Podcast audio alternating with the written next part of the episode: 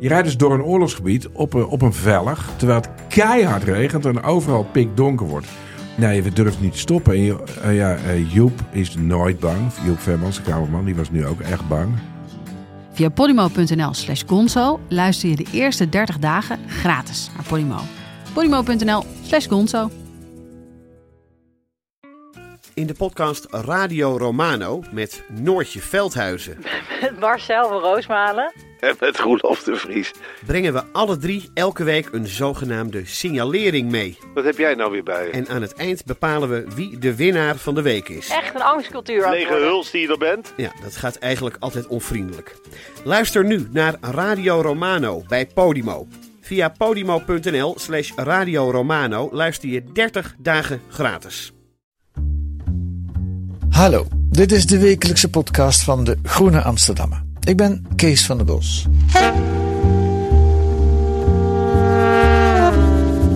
We moeten minder CO2 uitstoten. Daar is iedereen het wel over eens. Nou ja, bijna iedereen dan. De industrie stoot het meeste uit, dus die moet vooral minderen. En van die industrieën is Tata Steel uit IJmuiden in Nederland een hele grote jongen. Dus die zullen wel het meest moeten veranderen. Zat de wereld maar zo in elkaar.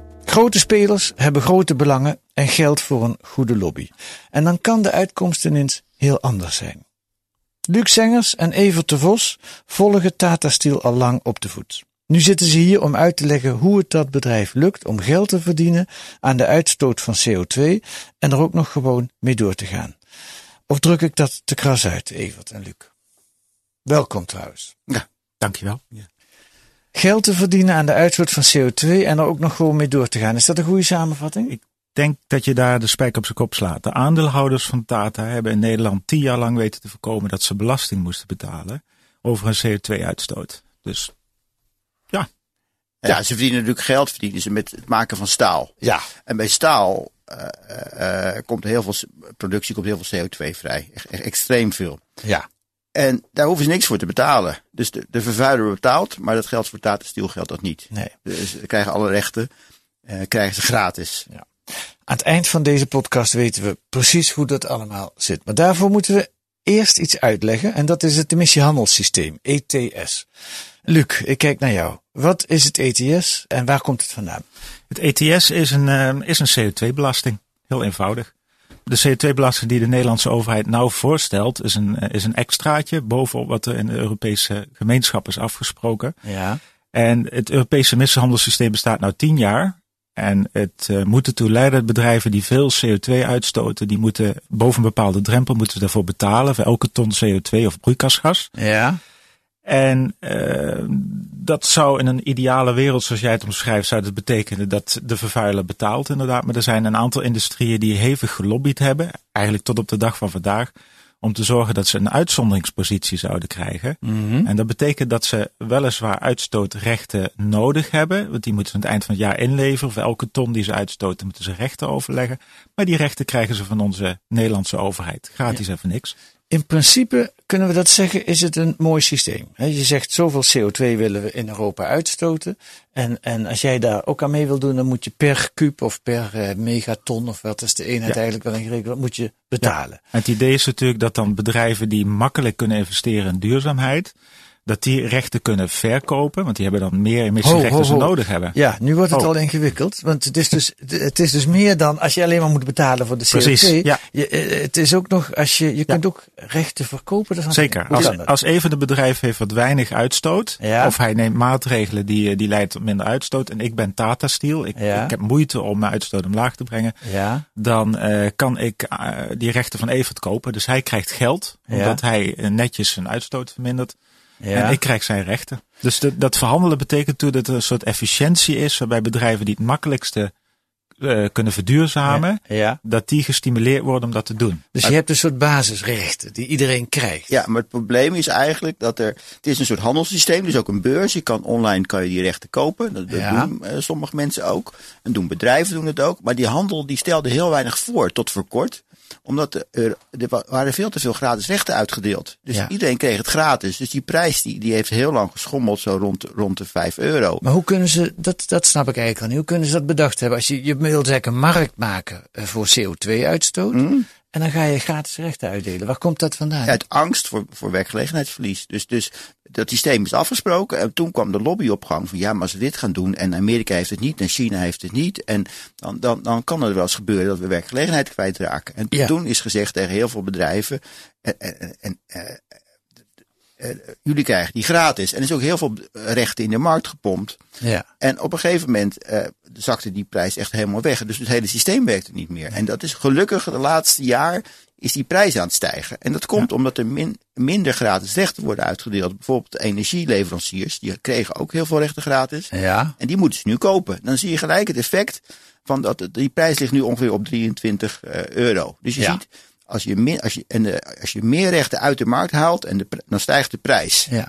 Ja. En, eh, maar dat, ja, de Europese lobby van vooral de staalindustrie, die, Ja. die zorgt ervoor dat die rechten niet uit de markt worden gehaald. Want dat, dat, dat, dat zou. eh, Sterker nog, Ja. zonder dat was die, eh, dat emissieshandelssysteem er niet geweest. Want afhankelijk was het de bedoeling, ruim tien jaar geleden, dat er gewoon een Europese CO2-belasting zou komen. Dus Veel waar we over ja. Precies, een CO2-belasting voor alle Europese industriële bedrijven. Dat, dat haalde het niet vanwege de lobby. En toen was plan B was een emissiehandelssysteem, wat ook een vorm van CO2-beprijzing is. En dat haalde het ook bijna niet, behalve als een aantal industrieën gepamperd werden met die gratis rechten. En dat was onder andere de, de staalindustrie. Dus het is eigenlijk een soort plan C geworden. Ja. Ja. En dat het niet werkt, dat zeggen jullie niet alleen en dat zegt de milieubeweging niet alleen, maar dat zegt bijvoorbeeld ook de baas van DSM een paar weken geleden in Buitenhof. Het Europese systeem werkt maar om één reden niet. Omdat diezelfde Europese politici het bedrijfsleven veel te veel recht hebben gegeven. Trek die rechten eh, in en je zal zien dat er wat gebeurt. Maar daarom moet die prijs ook richting de 30 of 50. Want we beginnen tientallen miljoenen als je ons bedrijf neemt. En dan eh, wordt het financieel een grotere, eh, grotere impact. Maar ik denk, uh, een prijs op CO2 is het belangrijkste wat we moeten uh, doen. En ik heb er geen probleem mee als die prijs uh, zwaar omhoog gaat. Nou, hoor je het ook eens van een ander. Ja, maar dit was natuurlijk iemand van DSM. Dat is helemaal gelijk. En dat, Ja. is een, en dat is een Nederlands bedrijf. Ja, En dat is het grote verschil met een aantal andere multinationals die heel veel CO2 uitstoten. Zoals Tata Steel, wat een Indiaas bedrijf is. Die eh, hebben met onze Nederlandse discussie en Nederlandse verhoudingen niet zoveel te maken. Die stellen zich veel harder op. Je ziet dat ook bij BP bijvoorbeeld. Wat een Amerikaans bedrijf, of nee, dat is trouwens Brits bedrijf, maar ook Amerikaanse oliegiganten. Die, is, die zijn veel feller in Nederland tegen die CO2-belasting, omdat ze daar niet in die Nederlandse verhoudingen meegaan. Nee, we- er wordt wel gesproken over filiaalhouders. Dus de Nederlandse regering die praat aan de industrietafel of bij het klimaatakkoord met de filiaalhouders. Ja. Die moeten allemaal hun spreadsheets inleveren in het, in het, bij een hoofdkantoor. En, en die kijken toch uiteindelijk onderaan de streep hoeveel winst blijft er over. oké, die gratis rechten worden volgens mij Europees uitgedeeld. Hè? Dat bepaalt niet een, een, nationale staat? Of bepaalt Eh, ja, de Nederlandse overheid heeft daar zelf ook invloed op. ja, maar Is in, in principe zijn het Europese besluiten, toch? Eh, ja. Ja, locatie wordt Europees bepaald. Dus je moet ook Europees lobbyen om iets voor Ja. elkaar te krijgen. Die lobby hebben jullie, eh, hebben jullie bekeken. Nou denk ik bij lobbyen in principe, nou laat ik het ook eens even eh, door een ander laten zeggen. Eh lobbyen hoeft niet per se slecht te zijn. Ik vind dat lobbyen sowieso zoveel mogelijk moet gebeuren. Ik vind dat iedere Kamerlid, iedere minister, iedere ambtenaar moet vooral horen welke belangen er allemaal spelen alvorens een goed besluit te nemen. Annemarie Jorritsma van de VVD zei dat in een nieuwsuur-uitzending over lobbyen.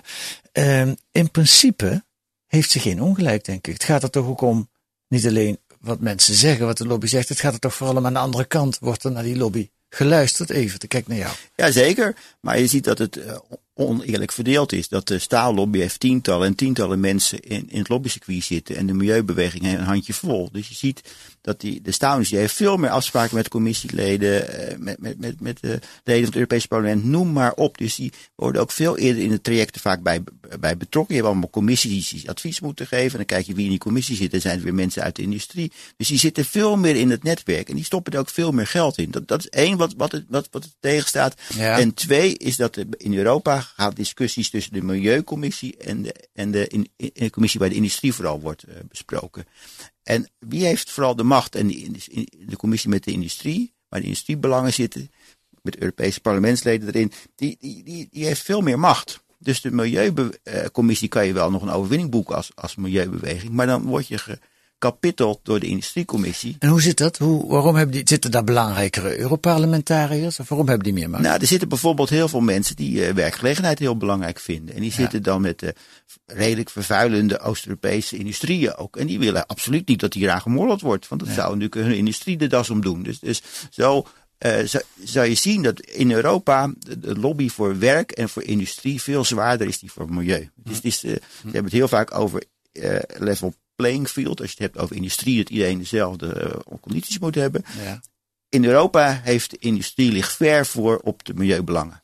En hoe moet ik me dat voorstellen, Luc? Die, die, die lobby is dat, die bellen met uh, eurocommissarissen en die zeggen mag ik eens langskomen? Of hoe ver gaat dat, zo'n lobby? Dat gaat uh, heel ver. Wij hebben in onze, voor, voor dit onderzoek hebben wij kunnen meeliften bij een groot uh, WOP-verzoek, wat gedaan was door Corporate Europe Observatory. Dat is eigenlijk een grote NGO die lobby's in Europa in kaart brengt. Dat doen ze al heel lang en dat doen ze heel goed. En die hadden een hele grote WOP uitgezet uh, een aantal jaar geleden om die lobby van uh, de staalindustrie, van de chemische industrie en nog een paar grote vervuilers, om die in kaart te brengen. Die hebben toen heel veel documenten verzameld waaruit blijkt hoe die lobby nou precies ging, want dat vraag jij af. Ja. Dus dat weten we eigenlijk vrij precies. Namelijk? Dat speelt zich af op het niveau van afspraken met onze commissaris Frans Timmermans en met Juncker.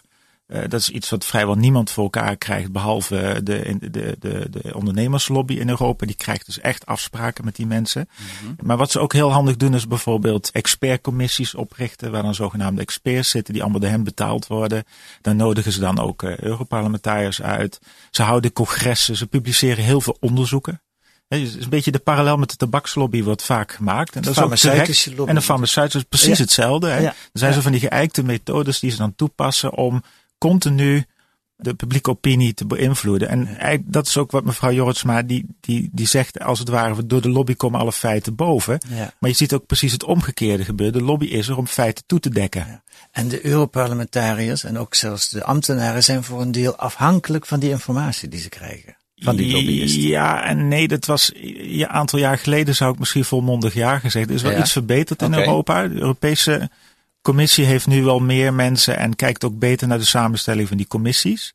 Maar het is zeker zo dat uh, elke overheid, ook onze overheid, uh, ambtenaren nemen geen besluiten zonder uh, mensen in het veld om hun expertise te vragen. Ja. Oké, okay, dan hebben we de, dus die lobby. Daardoor werkt dat, dat emissiehandelssysteem niet. Er zijn er twee mogelijke oplossingen, denk ik. De ene is dat de, de prijs per megaton in dat emissiehandelssysteem flink verhogen, wat Sibusma ook net voorstelde. Of, uh, dat is een hele andere oplossing, daar wil ik het even met jullie over hebben, de CO2-tax. De klavertax wordt die ook wel genoemd door de tegenstanders ervan uh, met name. Dan krijgen we nu een fragment uit Nieuwsuur daarover. We pleiten eigenlijk voor een brede kostenheffing. CO2-belasting. Een CO2-belasting. De natuur geeft de grens aan en wij dienen ons daar binnen te bewegen. De oproep aan Wiebes is natuurlijk voer die CO2-belasting breed in. Nu. Nu. Op het moment wordt uh, de industrie in Nederland uh, eigenlijk minder belast, minder uh, zwaar gereguleerd dan industrie in het, in het buitenland, in de on, om, ons omringende landen. En dat betekent dat eigenlijk als we de brede CO2-heffing gaan invoeren, dat we meer een inhaalslag maken dan dat we de industrie op afstand zetten. Het is een correctie. Het is een correctie. Dit was een document van 60 economen in Nederland, wat dit jaar in april gepubliceerd werd. Ja. Dit komt uit Nieuwsuur. Daarvoor had de Nederlandse Bank er al voor gepleit, de Wereldbank, de Verenigde Naties. Jij zegt net ook, Luc, eigenlijk was dit plan A. Dit, dit was plan A ja. in Europa. Ja. Uh, uh, zo simpel is het eigenlijk. Je voert een belasting in en dat, dat, dat legt een druk op het produceren van CO2. Dat stimuleert ja. om daar uh, schone technologie voor te gebruiken. Ja, dus eigenlijk, nogmaals, er is al een belasting. Hè? Want het ja. emissiehandelssysteem is ook een vorm van belasting van CO2. En wat die, die klavertax, de CO2-tax die bovenop, is een, is een extraatje daarbovenop. Waardoor ja. de prijs per ton CO2 hoger wordt. En Nederland loopt daarin voorop. Ja. Uh, zover we hebben kunnen nagaan. Uh, dat zeggen ook andere experts. Uh, want wat wij in Nederland willen is echt de industrie belasten voor de CO2-uitstoot die uit haar schoorstenen komt. En zo weinig mogelijk uitzonderingen. Dat is ook wat die economen bepleiten. Mm -hmm. Terwijl in omringende landen zie je dat er bijvoorbeeld, als er een CO2-tax is, dan wordt bijvoorbeeld de, de industrie daarvan uitgezonderd. En uh, dus wat nu in Nederland, wat de milieubeweging graag in Nederland wil, en ook die 60 economen, ja. is een plan zonder al te veel uitzonderingen. En dan zouden we in Nederland echt vooruitlopen en een inhaalslag maken. Ja, en raad eens wie daar de veldste tegenstander van is, of een van de veldste tegenstanders, de C C Theo de CEO van Tata Steel zou toch van de gekken zijn als een uh, goed renderend bedrijf, een van de schoonste staalbedrijven met de minste CO2-uitstoot, uh, dat wij hier de deuren zouden moeten gaan sluiten. Daar wordt het klimaat niet beter van, want uh, de productie zal elders plaatsvinden door andere bedrijven, ja. andere staalbedrijven, die veel viezer zijn. Mhm.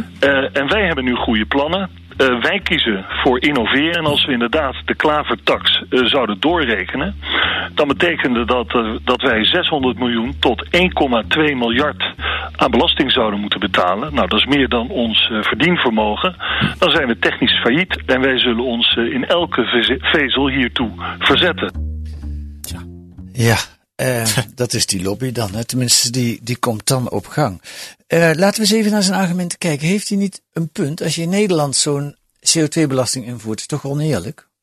Ja, dat klinkt allemaal ontzettend redelijk wat hij zegt. Uh, en, en ook zijn werknemers hebben, hebben geprotesteerd. Hè, brieven in de ondernemingsraad van Tata. Ja, die zijn bang die mensen zijn bang om een baan te verliezen.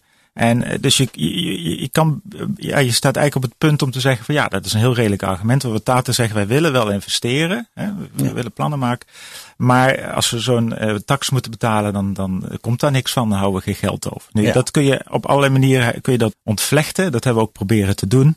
Op de eerste plaats is het niet zo dat Tata uh, uh, zoveel gedaan heeft tot nu toe. Dus als Hendra zegt, we maken plannen dan is dat heel mooi. Maar plannen zijn geduldig. En de vraag van de milieubeweging is ook terecht: van, was je tien of twintig jaar geleden met die plannen? Want toen wist je ook, toen investeringen gedaan moesten worden, wist je ook dat het probleem eraan zat te komen. Dat was het toen ook al. Kyoto was al lang bekend.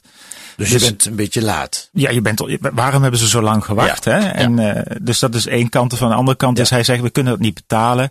Dat kunnen ze wel. Uh, ze hebben een gezonde winst, ze hebben een gezonde kaspositie. En uh, ze keren ieder, ieder jaar gemiddeld 25% van de winst uit aan de aandeelhouders. Uh, we hebben dat laten nakijken door een aantal uh, analisten die het, de financiële rapportage van Tata voor ons hebben nagekeken. En zij kunnen dat eigenlijk wel betalen. Wat er nu gebeurt is dat ze niet alleen niet investeren in hun eigen, of niet voldoende investeren in hun eigen schoonmaken, maar als ze belasting zouden betalen, zo'n CO2-tax, omdat ze bijvoorbeeld zelf geen mogelijkheid zien om schoner te worden, dat zou kunnen. -hmm. Maar door die CO2-tax geef je andere bedrijven de mogelijkheid om de boel schoner te maken. Hè? Want, je, je, je, Want dat geld, geld, je dat geld wordt dan ergens anders. Nu betalen ja. ze ook die belasting niet. Dus op ja. linksom en rechtsom ja. dragen ze niet bij, maar ze houden wel geld over. Nee, dat snap ik. En in die zin is het natuurlijk een stimulans. Maar toch, uh, Evert, Mhm. mm -hmm. uh, het, uh, als je dat in Nederland invoert, de staalfabrieken buiten Nederland hebben daar dan uh, concurrentievoordeel. Die hoeven die, die, die CO2-belasting niet te betalen. Ja, dat klopt. Aan de ene kant kan je ook uh, staal die heeft inderdaad nog veel meer belastingvoordelen. Die, de, weet je, dus dus je, je trekt het eigenlijk gelijk, wat ook in het fragment werd gezegd. Eigenlijk door, door, door een CO2-heffing doen we juist wel dat we het speelveld gelijk maken. Want in Duitsland betaalt de industrie wel alle, alle belastingen. Maar, het is okay. ook, het is, maar er komt bijvoorbeeld ook in Duitsland waarschijnlijk een CO2-tax Mhm. komt mm -hmm. aan. Uh, je zal hem in heel West-Europa wel in moeten voeren. Er komt een soort kopgroep binnen de EU dan. Maar moet je wel in Nederland, je moet wel in Nederland beginnen? Ja, er moet je? iemand de eerste stap zetten en dan zal je zien dat, dat, dat, dat meer gaan volgen. Mhm. Je ziet dat er een hele groene golf gaat door West-Europa. Nou, deze maatregel kan niet uitblijven. En dan moet de industrie zich op voorbereiden. En Tata is best een heel mooi bedrijf. Ze maken prima staal, wordt helemaal naar Amerika geëxporteerd, omdat het zo dun is uh, dat ze in Amerika dat niet kunnen maken. Dus het is echt een heel mooi staalbedrijf. Maar ze moeten wel hun vervuiling uh, achter, mm -hmm. achter hun, hun, billen op, op, opruimen, bij spreken. Dus, dus het is onterecht om steeds maar te zeggen dat hoeven wij niet, niet te betalen. Het is gewoon een, een, een, een, zij dragen zeer substantieel bij aan de opwarming van de aarde. Het is de grootste vervuiler van Nederland. En dan, dan moet, moeten we tegen tuinders zeggen, die betalen wel netjes een, een, een, een ETS-recht en zij krijgen alles gratis. Dat is, dat, dat ja. is juist onrechtvaardig. Dus ze moeten gewoon betalen voor wat ze doen. Als ze investeringen willen doen, dan kan de overheid er nog bij helpen vanuit die CO2-tax. Weet je? Dus ze kunnen ook geholpen worden bij investeringen natuurlijk. En uiteindelijk krijg je daar een schonere industrie voor. En, en daar kunnen zij ook niet tegen zijn. Het is dus toch een soort achtergevoerde gevecht wat ze voeren. We kunnen hier nog veel langer over praten. We lopen alweer op, op het eind. Ik wil nog één, uh, ja, voor mij toch wel belangrijke vraag stellen. Waarom een CO2-tax als je ook de emissiehandelssysteem kunt repareren? Kijk naar jou, Luc. Dat is toch, dat, is er al? Dat is toch veel gemakkelijker ja, dan? Die, dat, dat hadden Even en ik hadden dat tijdens ons onderzoek op een gegeven moment zeiden we waarom eigenlijk, het zit toch moeilijk te doen. En we hebben het ook een aantal mensen voorgelegd. Een van die mensen was Bas Eickhout, uh, die een van de voortrekkers van de Groene Partijen in het Europese parlement. Ja. En die zei dat ook letterlijk. Hij zei eigenlijk zou het beter zijn om een, en, om een de ETS eigenlijk om daar de uitzonderingen dicht te maken, zodat staalbedrijven ook moeten betalen. Minder gratis rechten weg te geven. Ja, en hij zei heel opmerkelijk aansluiten bij Evert. Hij zei van, en, en dat is iemand die echt ervaring heeft met de lobby, hè, al jarenlang in Europa. En hij zei wat je zal zien is dat Tata Steel, zodra die CO2-tax in Nederland er is, waar ze nu tegen protesteren, dan gaan ze van de ene op de andere dag uh, gaan ze zijn blad aan de boom om. En dan gaan ze in Europa lobbyen om te zorgen dat Iedereen alle concurrenten. Ja. Precies. Ja. Maar toch nog die vraag: waarom niet dat ETS-systeem, dat emissiehandelssysteem optuigen? Waarom een CO2-belasting? Ja, dat is, dat is wat, uh, wat, uh, wat waarschijnlijk de inzet wordt van de Groene Partij in het Europese Parlement. Om dat te gaan. nou ja, optuigen is niet het goede woord, maar om, om alle gaten dicht te maken, zodat het effectiever wordt. Maar daar wordt dus heel stevig, tot nu toe heel stevig tegen gelobbyd. Dat is het punt. Er zijn heel veel voorstellen geweest om, om een aantal rechters uh, harder te laten dalen, ook voor de industrie. En die zijn allemaal in de wielen gereden. Die zijn allemaal ergens in het besluitvormingsproces is daar een spaak in, in, in de wiel gestoken. En dat komt toch door het succes van de staallobby in deze. Ja. En ze, je zal zien wat ze ook nu, de, deze maand komt, uh, neemt de regering besluit. Er zal een vorm van een CO2-tax komen, is de verwachting. Toch wel. Toch wel, ja. maar er komen uitzonderingen vast ja. in. Mm -hmm. ja. En laat je, jij moet maar eens raden wie voor die uitzonderingen in aanmerking komt. dat is het, het grote risico. Dus het zal nu, als je kijkt, er komt een CO2-tax. En Rutte zal heel blij zijn en zo. En noem maar eens maar op. Er wordt gejuicht. We gaan het doen. En dan moeten we in de kleine lettertjes echt goed kijken wat de uitzonderingen zijn. En ik denk dat ze in uh, Velsen Noord ook wel een, een even wat bubbels opentrekken dan. In dit verband is trouwens mooi wat Bas Jacobs, een van die economen ja. ons stuk, zegt. Ja. Die zegt van, uh, door al die uitzonderingen betaalt de maatschappij nou een veel hogere prijs voor het verduurzamen dan dat eigenlijk nodig is. Veel meer argumenten zijn te lezen in het artikel deze week en in de artikelen die jullie daar eerder over geschreven hebben. Dankjewel Evert de Vos en Luc Zengers. Deze week ook in De Groene een reportage over de klimaatrebellen van Extinction Rebellion. Evert, ik had er nog nooit van gehoord. Wie zijn dat? Dat is een club die nu bijvoorbeeld allerlei pleinen bezet en daar heel vrolijk uh, tegen protesteert, maar ook wat, wat dingen tegen, tegen uh, kolenoverslag doet en dat soort dingen. En in Londen hebben ze de hele stad op, op een kop gezet. Dus er zijn allemaal jonge mensen die, die zeggen, we moeten, het is tijd om het heft in eigen hand te nemen en het, het duurt te lang. Oké, okay, en die portretteren jullie nu in Nederland? Ja, Oké, okay. en deze week een onderzoek naar crowdfunding door online platforms, waardoor veel MKB'ers failliet gaan. Dat verband zie ik ook nog niet meteen. Kun je dat in één zin zeggen? Ja, via die platforms krijg je, uh, kan je vrij makkelijk leningen krijgen voor hele hoge rente. Lees het allemaal in de groene van deze week. En volgende week zijn wij er weer met analyses en achtergronden bij het nieuws in de Groene Amsterdammer podcast. Deze week werd die gemaakt door Jan Daalder en Kees van der Bos. En de muziek is A Tune for N van Paul van Kemenade.